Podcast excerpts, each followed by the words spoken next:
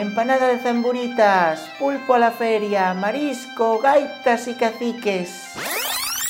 Eso é todo o que coñeces de Galiza. Rachamos cos tópicos.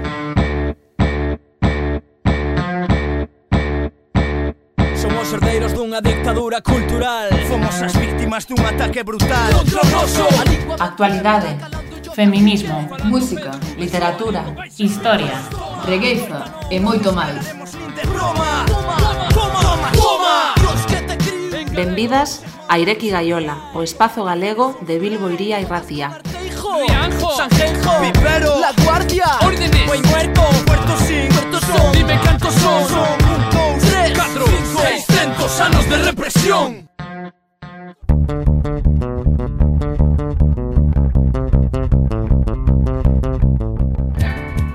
benvidas a un novo programa de Ireki Gallola. Hoxe serén e maiseu Iris retransmitimos dende a 96.0 da FM en Bilbo Iria Irratia. Benvida tamén se nos estás a escoitar dende o streaming da web, se estás no podcast de arquivo, se estás na plataforma iVoox ou quizáis en podgalego.gal. Arrincamos unha nova xeira no que teima en ser en un espazo de información e divertimento a xeito da Embaixada Cultural Radiofónica Galega en Euskal Herria. E sen máis, pasamos ao sumario.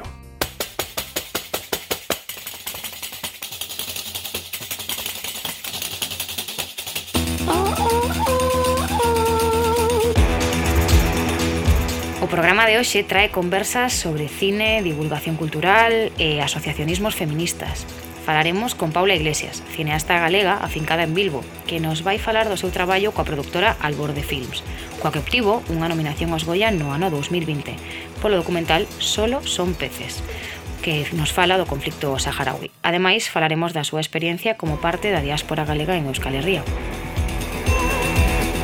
A máis, coñeceremos o espazo Clara Corbelle, un proxecto de divulgación cultural que académica e de investigación que pensa en ampliar o coñecemento na crítica emancipadora galega xuntando práctica social e investigación.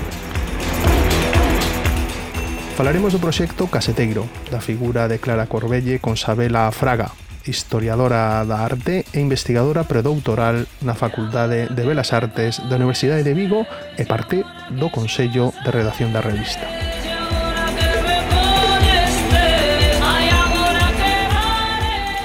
Por último, achegarémonos ao espazo cooperativo A Morada, un centro social feminista que acaba de agromar en Vigo e que tenta ser un espazo de referencia para a formación, o encontro e o lecer cunha máxima, por os cuidados no centro. Falaremos coas súas ideadoras e contarános con detalle a necesidade de crear espazos sociais feministas como este.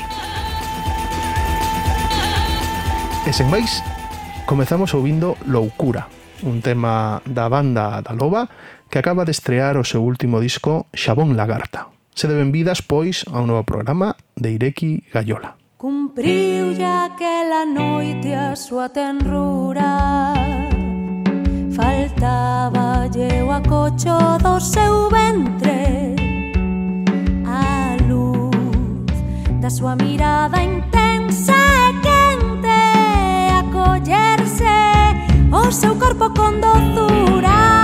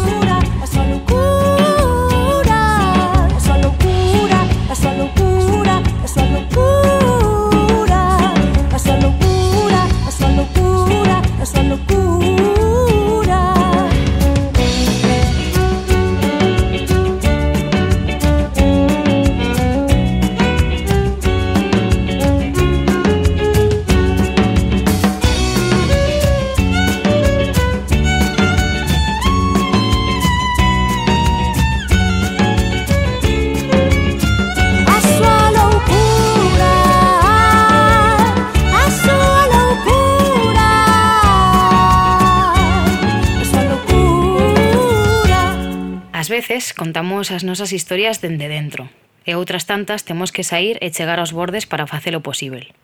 Lambroa, Fabricando Mujeres, Solo son peces, Ondarrac, son algúns dos nomes das pezas audiovisuais contadas dende a paixón e coa intención clara de mover conciencias para que algo mude. No 2015, xorde no centro de Bilbo al borde films. E unha das que fai posible isto é Paula Iglesias, galega nada en Porto do Son, que leva xa uns anos vivindo aquí en Euskal Herria. Boa tarde, Paula, benvida a Ireki Gaiola. Hola, boa tarde. Paula, eh, todos temos unha historia de chegada a este país. Eh, cal é a túa? Pois eu vin a rematar a carreira aquí Eh, bueno, pois eh, fun quedando un pouco sin, bueno, sin, sin pretendelo eh, de un, da, da Facultade pasei a Escola de Cine e de aí foi me salindo chollo e, e hasta, hasta hoxe. E, e como, bueno, como arranxou, eh, como arrancou a túa, a túa labor no, no mundo audiovisual, eses primeiros pasos dende a academia? Bueno, eu estudiei xornalismo e de aí eh, descubrín que a, o poder do, bueno, da edición e do corta e pega, non? Entón, eh, metime na Escola de Cine a estudiar eh, eh, edición e postproducción, uh -huh. porque pensaba que bueno, era unha ferramenta que daba moita autonomía a hora de, de poder facer documentais propios. E eh, foi desa forma como empecé pouquiño a pouco. Uh -huh. Dentro dos teus traballos poderíamos identificar motores que, que moven todas as túas propostas eh, eh, temáticas ou ou teimas que, que ti leves dentro? Bueno, todos os traballos teñen, teñen relación co social e co feminismo de alguna forma transversal sempre. Entón, mm, cando creamos a Alborde Film, tiñamos claro que queríamos facer unha productora de corte social. Eh, de feito, somos cooperativa sin ánimo de lucro, estamos en REAS, dentro da Rede de Economía Alternativa e Solidaria, Eh, bueno, eh, aí foi tamén onde encontramos moitas das entidades cas que hoxe en día pois, colaboramos e facemos proxectos cos que nos sentimos super identificadas porque, bueno, pois traballan nos eidos que nos tamén tamén temos como de base da nosa empresa, non? Entón, uh -huh. foi como moi moi sinxelo meternos aí. Eh, que nos podes contar do, do proxecto Histeria Colectiva?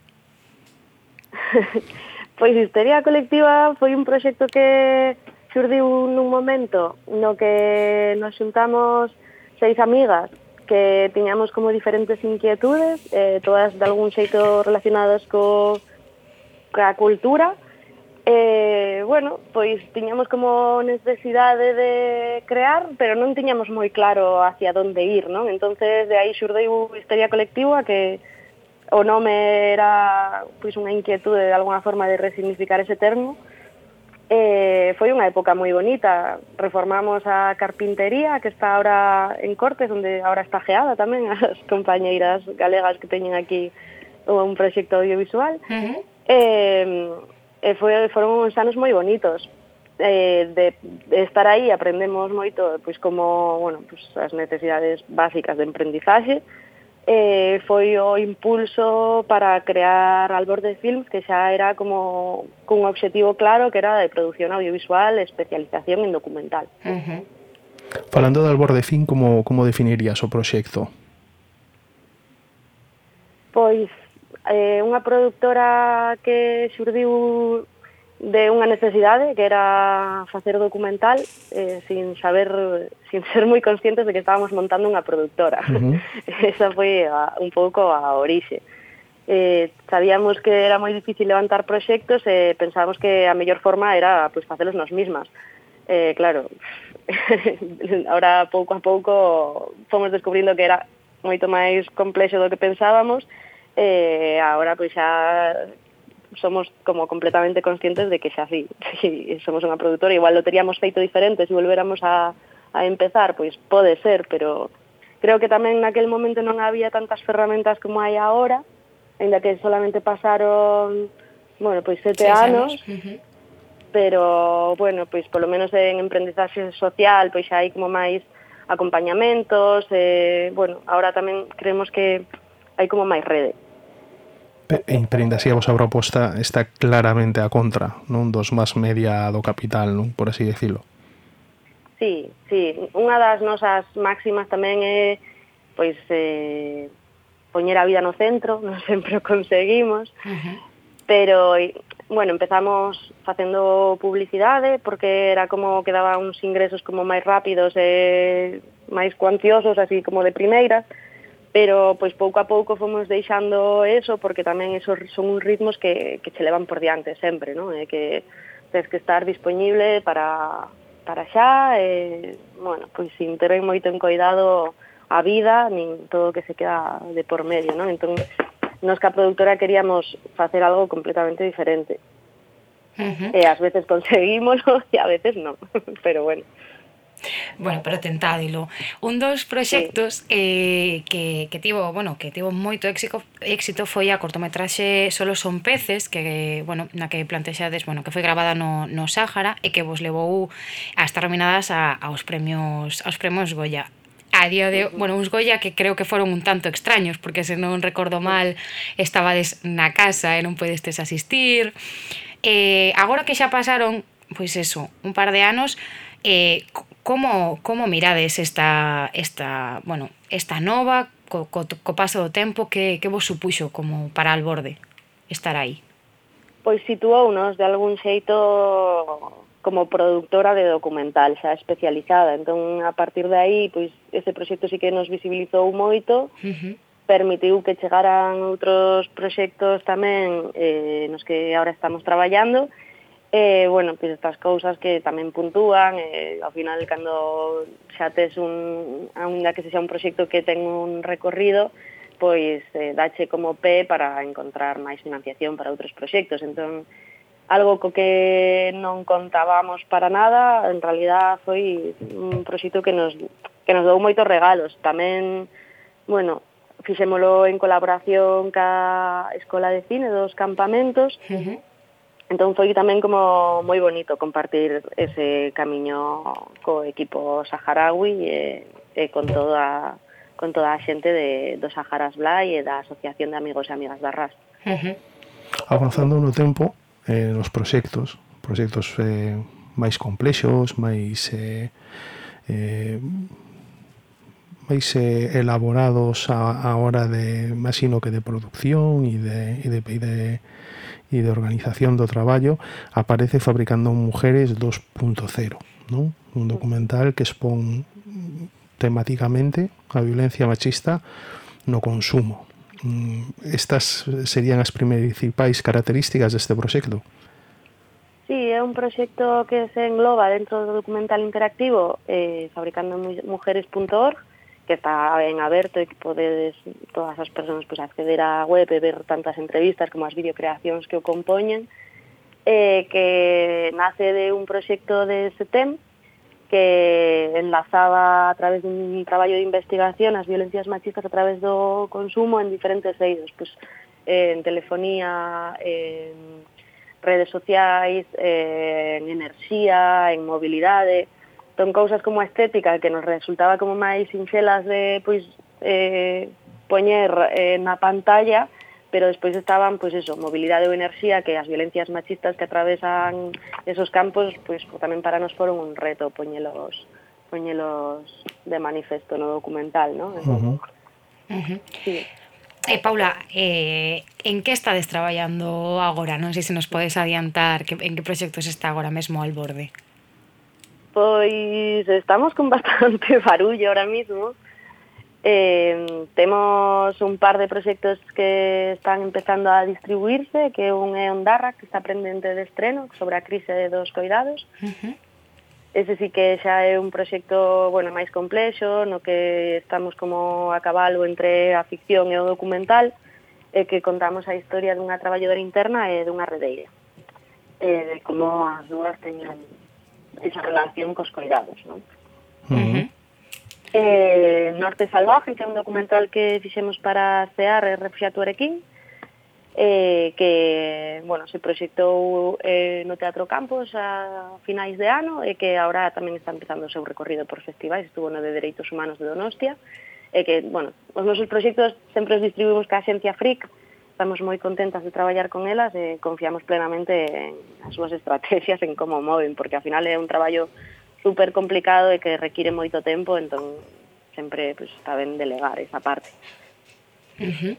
eh, bueno, cambiando un pouco de terza, pero como persoa que, que está no mundo que traballa no mundo audiovisual, entendo que máis ubicada dende ou polo menos asentada dende Euskal Herria, eh, ti, ti mantés contacto, segues en contacto co, co, co audiovisual galego? como valoras o, o estado no que está o audiovisual galego?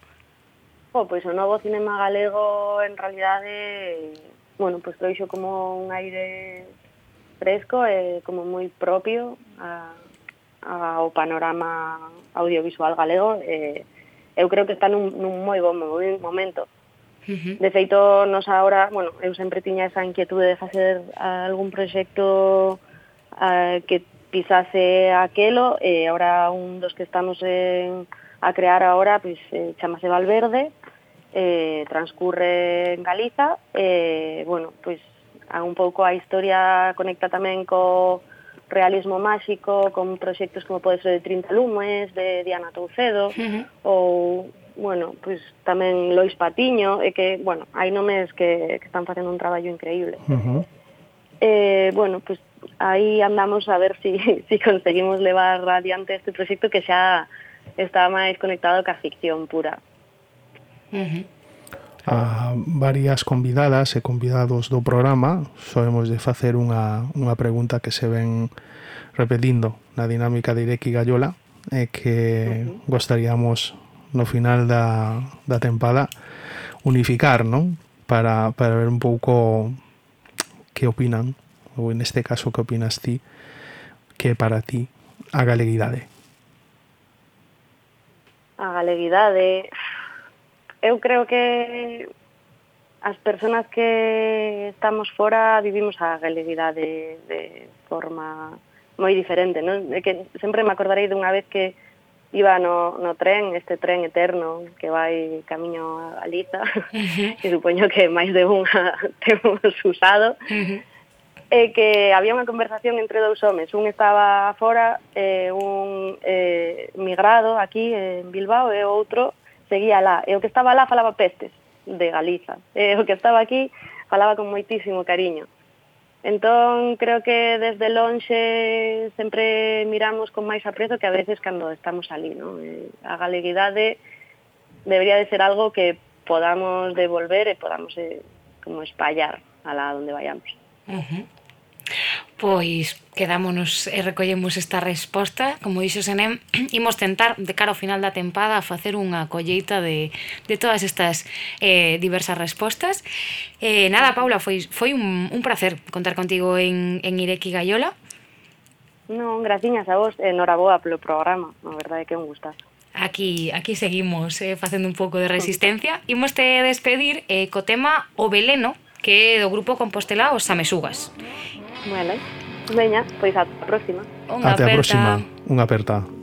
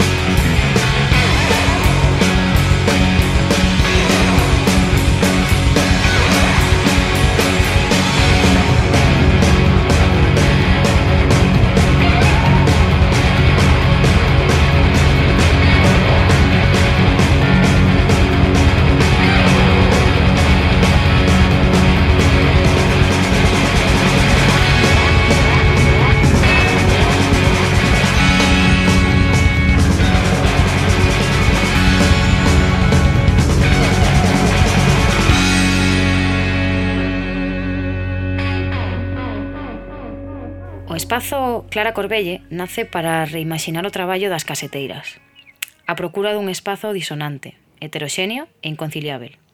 Unha axencia para a reapropiación dos saberes, das prácticas e das formas de relacionamento e existencia popular, na procura dun instrumento para a interpelación, a escuita e a aprendizaxe, para ampliarmos o posível e o pensável na crítica emancipadora galega, sobre e dende a práctica social.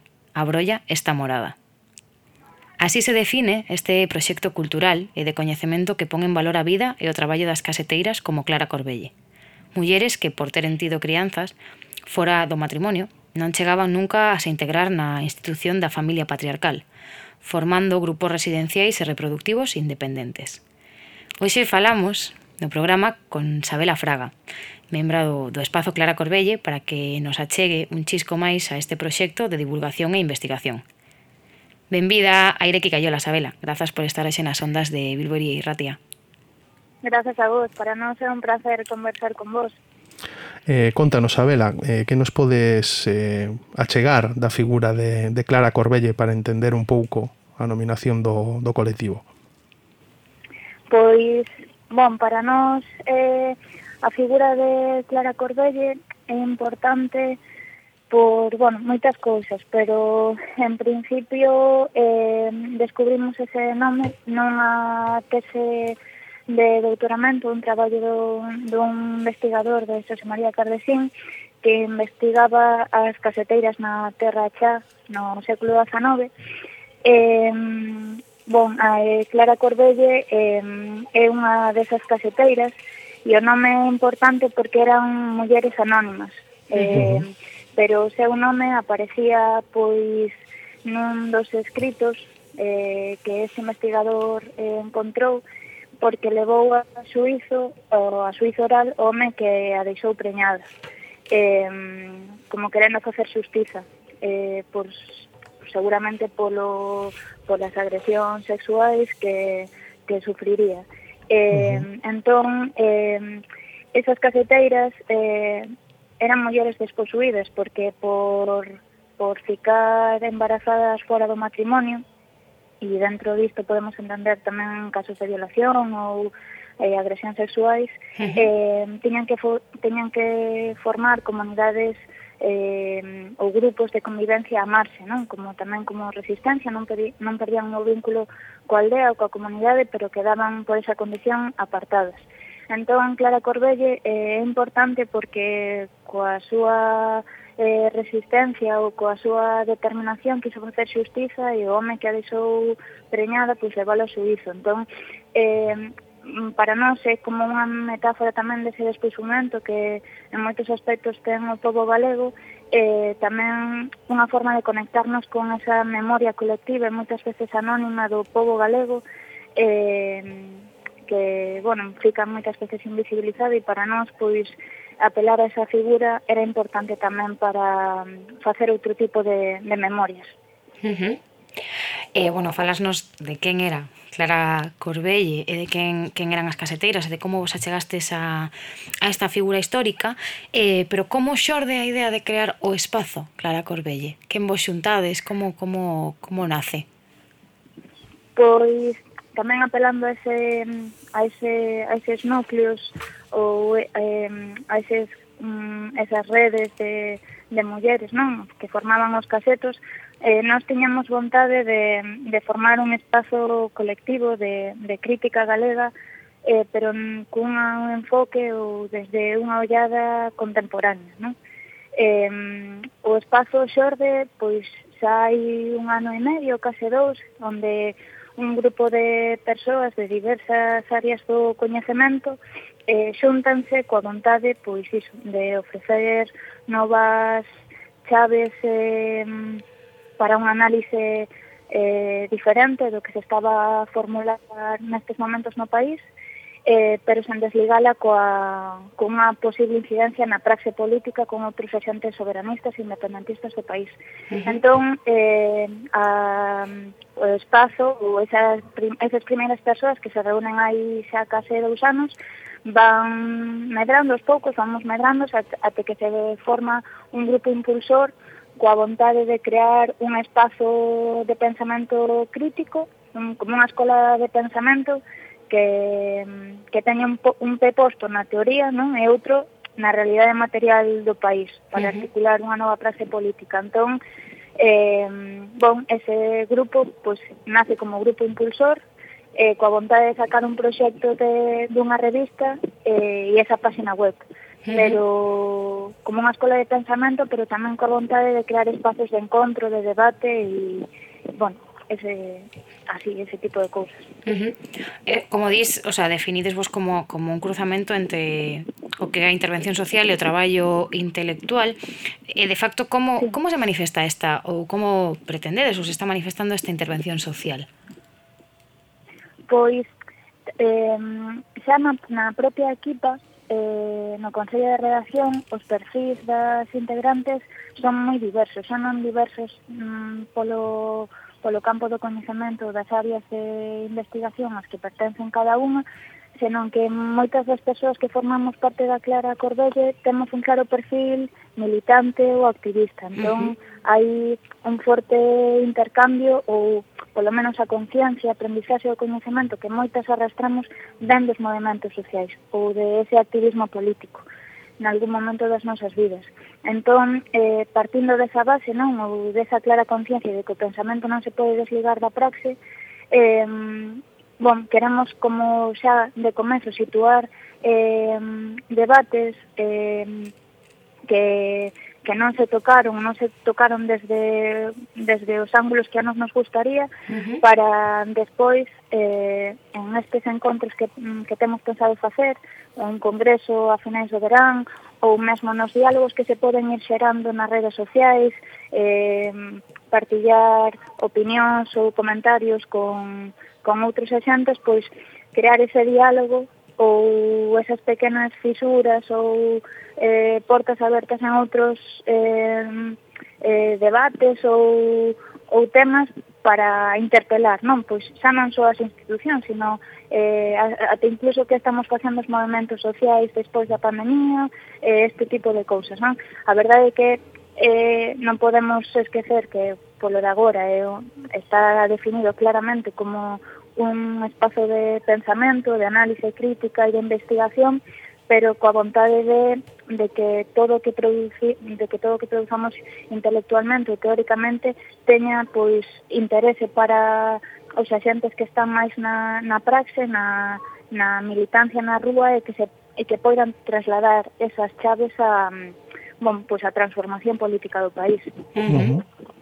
E quais podían ser as bases filosóficas que, que fundamentan a vosas, as vosas propostas teóricas e a praxe do, do movimento?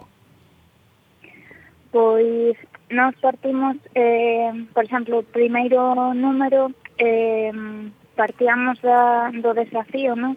de, de traer, por exemplo, análise colonial a realidade galega uh -huh. eh, con toda a responsabilidade e o rigor que, que iso implica, mas asumindo tamén todas as tensións que iso pode xerar nun debate actual no país, pois seja, o marco de colonial eh, a hora de, de, de pensar Galiza no, no século XXI, eh, mas tamén a, o feminismo, eh, eh, a, bon, eh, unha, unha, unha economía tamén da Galiza situada no século XXI, Quero dicir, mmm, que tipo de, mm, de partidos ou institucións temos no país e nos fan avanzar cara adiante ou nos fan eh, eh, ancorarnos nunha dependencia máis co Estado español, ou seja, eh, como nos relacionamos co, coa militancia eh, ou como podemos crear esos diálogos.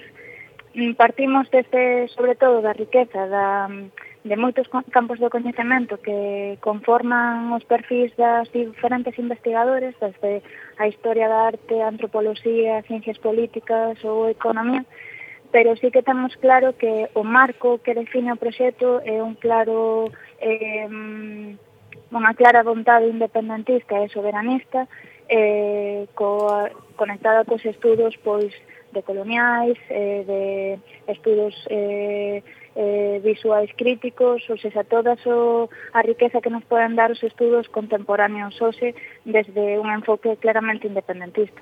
Uh -huh. Pois ligando con este enfoque do que, do que nos falas que, que ten o proxecto eh, igual saíndonos un pouco do que eh, as preguntas anteriores eh, Isabela, facémoslle eh, esta pregunta a algunhas das convidadas eh, non ia de ser menos eh, Que para ti, bueno, neste caso, que para o espazo, eh, Clara Corbelle, a galeguidade? Uf, é complexo. Eh, eu teria que... Bueno, aí xa non podería falar polo nome da equipa, porque uh -huh. somos moitos.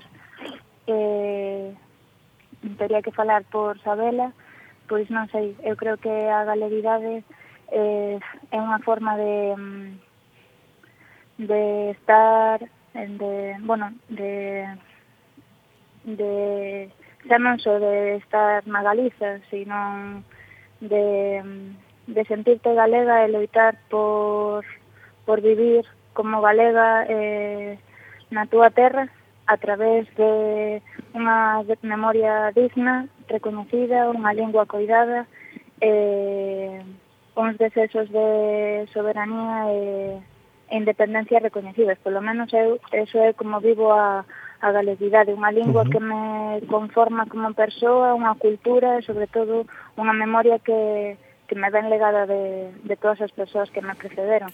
Eh, tamén coa responsabilidade de, de, de seguir con, pois iso, con unha lingua que nos caracteriza, unha cultura e son tamén un territorio que, que é constantemente agredido. Entón, pois, para min, a galeguidade é unha responsabilidade, máis ben, non sei se si, uh -huh si podría ser unha resposta, pero vamos, eu vexo como un compromiso político que hai que cuidar. Unha das bases do proxecto é a publicación da vosa revista. Eh, contanos como foi o proceso e como está sendo acollida da mesma. Pois a verdade que foi un proceso mm, bonito, eh, mm, cheo de aprendizaxes, eh, non sei se polo primeiro número, pero mm, moi emocionante.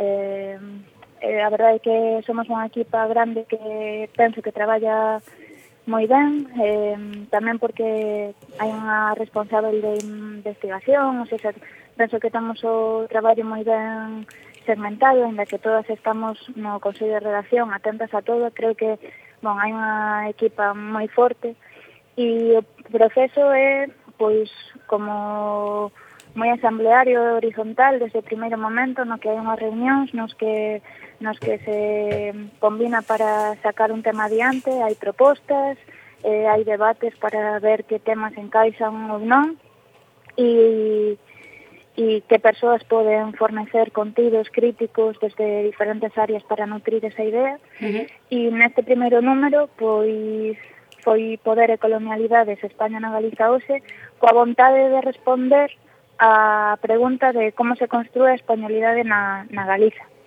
Eso intentámoslo responder desde un perfil da economía, política, eh, os estudos culturais, eh, a, eh, pois desde a música tamén, a, a figura do caciquismo, bueno, e E, bueno, foi ese primeiro número que saiu en decembro e eh, a acollida, desde o meu punto de vista, foi fantástica. E, eh, temos moitas suscriptoras, moitas caseteiras, que tamén é a forma de financiar este proxecto que é independente e autónomo, uh -huh. o, sea, o espazo mantense grazas ás suscriptoras e ás caseteiras que confían, eh, poñen tamén o seu compromiso eh, eh, neste proxecto E, e desde o momento que saiu a revista eh, tamén tiñamos a vontade de, de encontrarnos co xente a través das presentacións en cada vila e en cada cidade tamén para recibir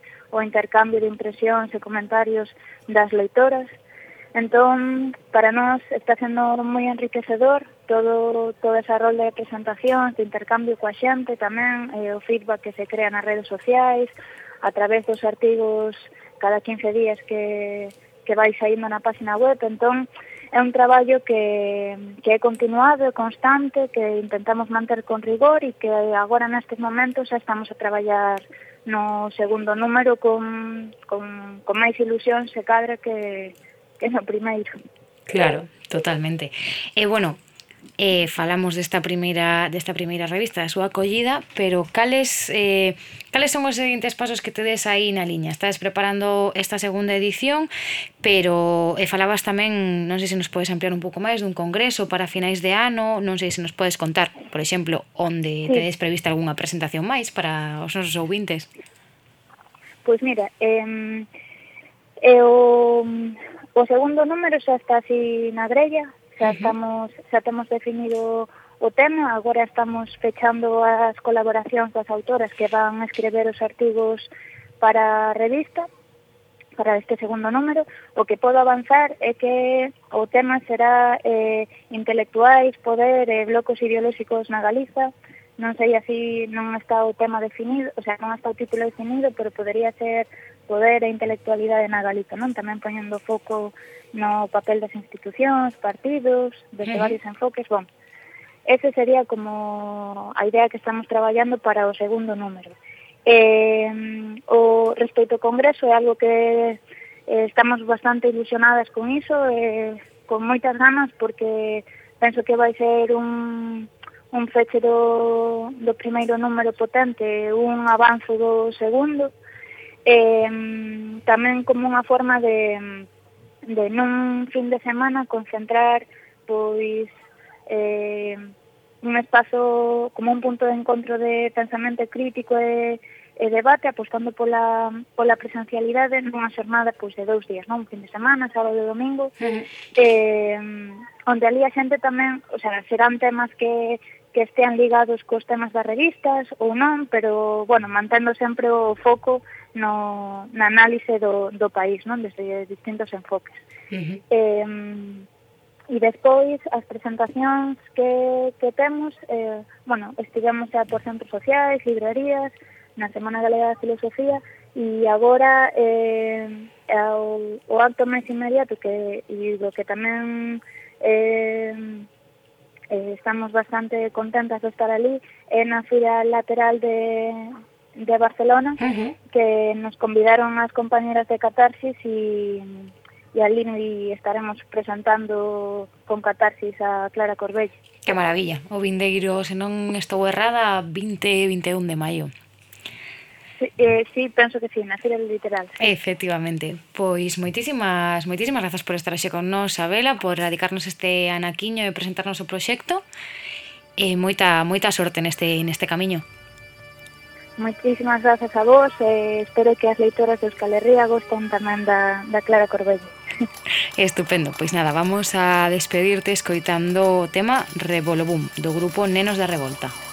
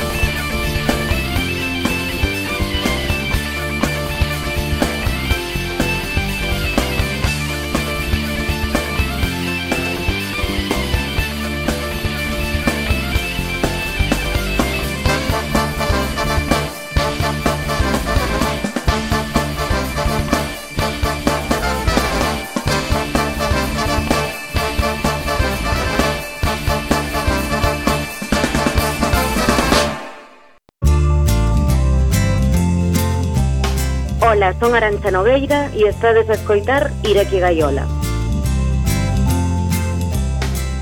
Hai unhas semanas, a morada abría as súas portas na cidade olívica. Majo, Fedra e Ana, xunto con moitas máis matriarcas, crearon esta cooperativa sen ánimo de lucro no Eido Social de Vigo. Ofrecen un espazo de encontros ás mulleres, tamén de lecer, de formación e asesoramento cunha máxima, que os cuidados estean no centro de toda a actividade – Hoxe conversamos con elas para coñecer de primeira man como é a súa rutina diaria, que nos ofrece este espazo e a acollida que tivo na cidade. Benvidas a Ireki Gallola, Fedra e Ana, outro lado do telefone. Contádenos, de onde nace a idea de crear a morada? E, e cales son un pouco referentes que tiñades para, para o espazo?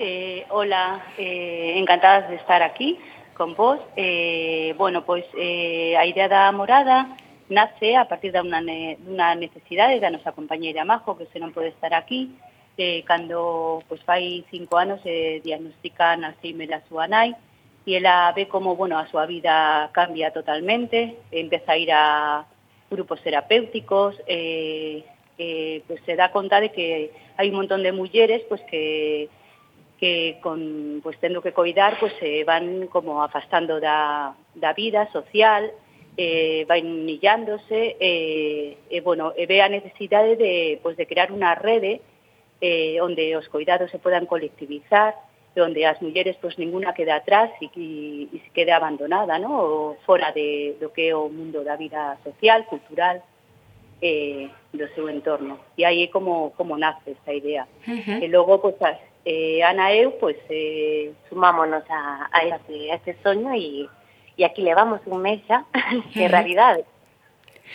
Eh, bueno, dicides que nace dunha, dunha iniciativa persoal que se fai realidade para, para, para colectivizar os cuidados e neste, neste proceso de, de creación do espazo eh, non sei se, se tocastes o, o a porta do institucional ou se, ou se analizastes que existen unhas carencias a niveis institucionais para, para este tipo de espazos. Sí, detectamos que, que sí, tamén eh, eh, hai unha saturación bueno, dos, dos servizos sociais, dos servizos de atención a, as, as mulleres, en Vigo concretamente non hai espazos eh, onde, onde as mulleres pues, podan, podan estar, ¿no? así que hai eh, recursos eh, pois de atención psicolóxica, de traballo social, eh, pero, pero é como a través de cita, eh, hai unha saturación tamén destes servizos, uh -huh. eh, eh, sí que vimos, eh, detectamos a necesidade de un espazo onde poder sentirse pois segura e eh, en intimidade e, eh, e acompañada e escoitada, non? Eh, e logo, bueno, unha, unha falta tamén de coordinación entre os recursos que, que existen, que están facendo eh, moito traballo, pero que, que bueno, pois que moitas veces falta esa comunicación, esa colaboración, ¿no? Uh -huh. E nos, pois, pues, sumámonos a esta, a esta rede tamén como un espazo onde as mulleres pois, pues, podan estar eh, e tamén, pois, eh, eh, queremos pois, conectalas cos recursos que, que existen tamén. Deixades claro que os coidados deben estar no centro de toda a actividade do espazo. En que se materializa iso nas dinámicas do día a día? Pois, eh, non o que ofrecemos temos aquí na, bueno, no, no local que temos eh, un espazo que chamamos espazo dos cuidados eh, e está montado como, como se fora como un salón da casa, onde hai pues, un sofás, hai tamén pues, libros, eh, xoguetes para crianzas, eh, so, eh, xogos para adultos, adultas. entonces nos, so que o, o, o, que, o que ofrecemos é que as mulleres cuidadoras eh, que veñan a facer obradoiros, actividades, poidan eh, deixar as persoas que, que coidan, ¿no? as, dependentes, as persoas dependentes, pues, con nós en este espazo de cuidado, para que las poidan eh, pues, eh, hacer, pues, hacer esas actividades, ¿no? de dedicarse un tempo para sí mesmas. Uh -huh. Uh -huh. Eh, E aparte deste espazo, deste salón eh, ou lugar de, de cuidados, eh, falasnos de, faladesnos de que, de que facedes diversas actividades, que outros espazos ou e eh, que outras actividades podemos atopar eh, na morada? Pois temos muita, o sea, ofrecemos eh, obradoiros de diferente tipo, de eh, pues, eh, dende actividades máis, eh, máis enfocadas á saúde ou á atención do corpo, uh -huh. como yoga, como entrenamento funcional, danza, e logo tamén pois, pues, obradoiros de arte, eh, eh, e, bueno, outro tipo de, de, de, de propostas diferentes, eh, bueno, sí que eh, con esa cuestión dos cuidados, o sea, aparte de tener este, este espacio de encontro, sí que nos a morada pois o que quere facer pois eh, dar unha volta a esta a idea dos cuidados, ¿no? o sea, o que tal como como se comprende os cuidados habitualmente, ¿no? Que un pouco pues, este esta idea de que de negación, de entrega, de sacrificio, ¿no? Uh -huh. Para nos é moi importante pues darle unha volta a esto, dar, eh, o sea, mm, colocar os cuidados como no centro, pero como tamén darlle a dimensión política que teñen, ¿no?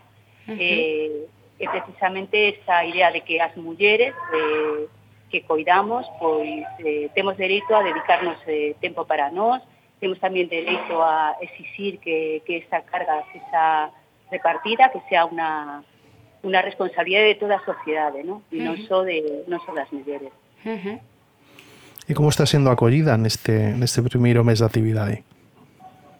Jo, pois está sendo, está sendo moi boa, a verdade é que estamos moi moi contentas, a xente se vai achegando pouco a pouco, a acollida no barrio é boa tamén, as veciñas, o que queríamos dende o principio, no? que fora pois a sensación de, de que a morada fora un patio de veciñas, como patios de veciñas de antes, uh -huh. pois está, está sendo un pouco así, se dan interaccións moi chulas, eh, de repente pois convecen persoas de diferentes edades, eh, perfis, ¿no? o sea, como experiencias distintas, uh eh, -huh. e se está dando a verdade que hai ambientillo na terraza e, e estamos contentas ah, a, os obradoiros pois van saindo tamén, eh, e logo, bueno, os, os sábados pola mañá eh, temos unha programación de eventos tamén artísticos e eh, e culturais, eh, onde pois, tamén proxectos sobre todo de mulleres, pois, que nos poden facer propostas para, para vir aquí a mostrarnos os, as súas, as súas obras, as súas pezas, as súas exposicións, e, e a eh, verdade é que está, está tendo moi boa, moi boa acollida.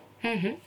E, e cal é a maneira de formar parte, aparte de, de asistir a estes, a estes obradoiros, de formar parte do, do espazo, non sei se, de, a, se hai a posibilidade, entendo que como cooperativa, ou de asociarse, ou o que vos dicía desde de como artistas presentar vos eh, proxectos e propostas, contádenos un pouco as opcións bueno, temos a figura, como, como dís, no, pues de, como de socias da cooperativa, que sería como a, as matrocinadoras. Uh -huh. eh, temos diferentes fórmulas de matrocinar, pues diferentes cantidades ao mes, eh, con, con, con iso pues tamén tes, eh, de, diferentes pues, ventaxas e eh, descontos, no?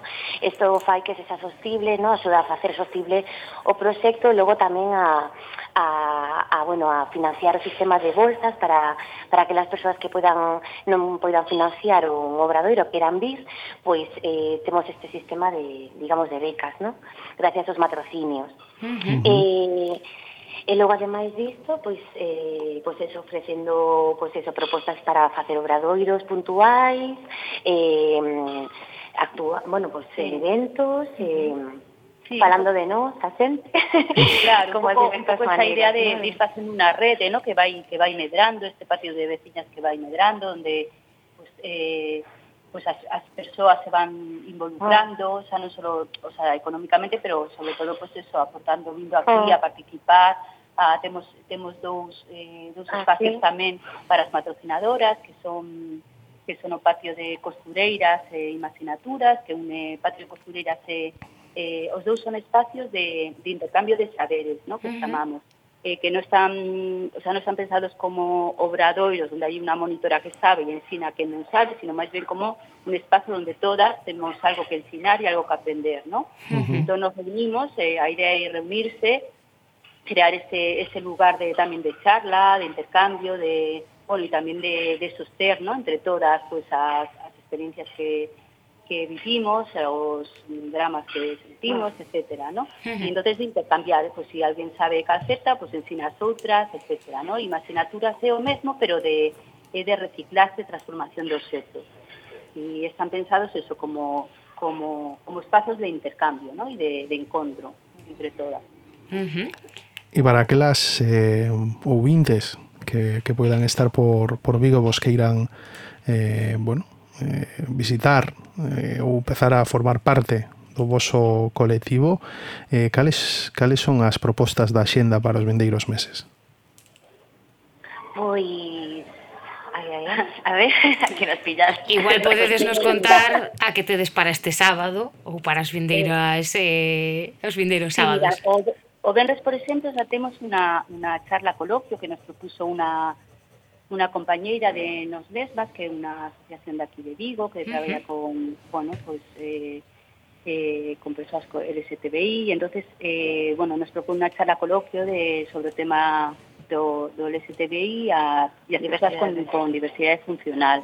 Porque Ujú. esto tamén estamos abertas pues, que veña alguén que queira propoñer una, bueno, pues un encontro, algo, un, y, y aquí facilitamos eso. Luego sábado temos una sesión de teatro gorrilla que, que bueno que es una iniciativa que hay aquí de, de diferentes eh, iniciativas de, de artes escénicas pues, que, que, ve- que van a locales, eh, fan as súas representacións e logo pasan a gorra, ¿no? O sea, é sí. casilla invertida e inversa, perdón.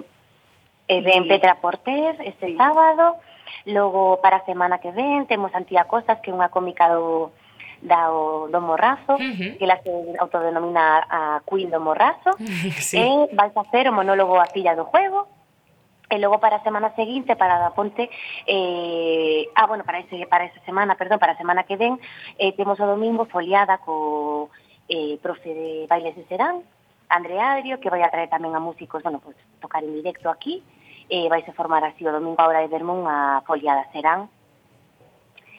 E, e logo para finais de mes, pois tamén é o que conmemorase o mes do de Frankie Mani dun baila, bueno, de un bailarín de, de swing e haberá unha festa swing o domingo 22, tamén a hora do Bermú con con pinchos de, de outro conto.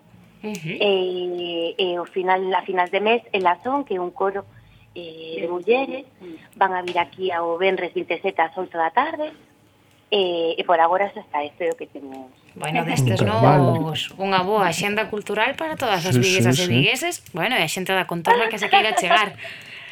Pois moitísimas, moitísimas grazas por, por presentarnos o proxecto, por, por falaros aquí con nos en, en Ireki Gaiola. E, e nada, agradamos, o sea, agardamos que teñades que teñades moito éxito, que, que a morada teña longa vida, eh, ímonos despedir eh, cun tema que se chama O medo dunha nena de SES. Moitas gracias, moitas gracias. Unha aperta moi grande. Auriño. Chao. Canta, me rula, canta, que o meu corazón pena. E o meu penar é tanto que nada me serena.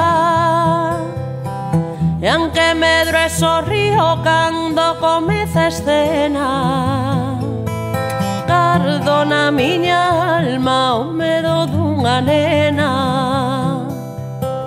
Gardo na miña alma E despedímonos de novo, pero non sen antes eh, agradecer a Iván Burgoa que hoxe de novo estivo no control técnico con todas e con todas vos. E ademais queremos vos eh, dar unha, bueno, unha proposta, se estades por aquí por Bilbo para esta semana antes de marchar, está o grupo Sangre de Muérdago eh, no Ica Ateneo este 15 de maio. Así que se vos apetece un pouco de folk internacional galego, eh, ese é o voso sitio. Fálame agora momento lévame esta amargura Pois foi un placer partillar con vos esta viaxe polo magma radiofónico que xunta os nosos dous povos unha rolar de verbas estresladas. Voltamos en dúas semanas a co en Ireki Gallola. Muxos beixiños. Unha aperta. Adeus,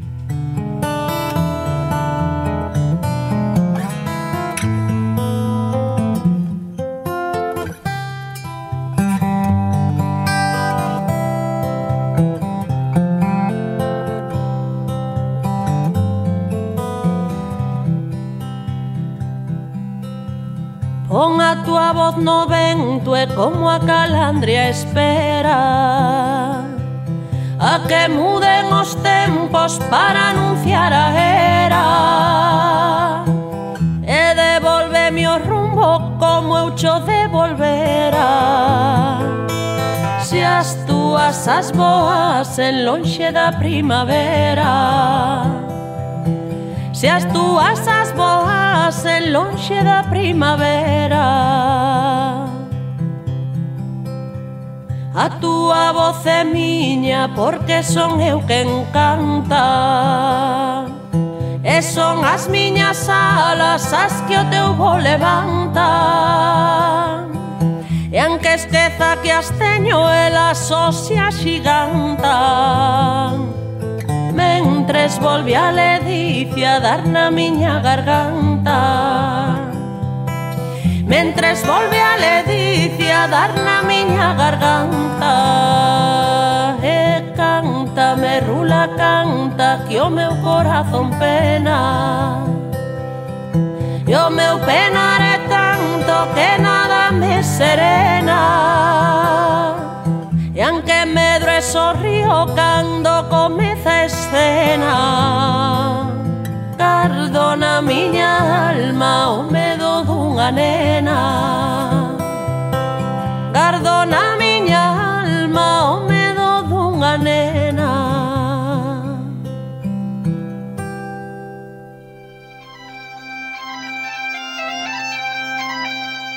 empanada de zamburitas, pulpo a la feria, marisco, gaitas y caciques. Eso é todo o que coñeces de Galiza? Rachamos cos tópicos.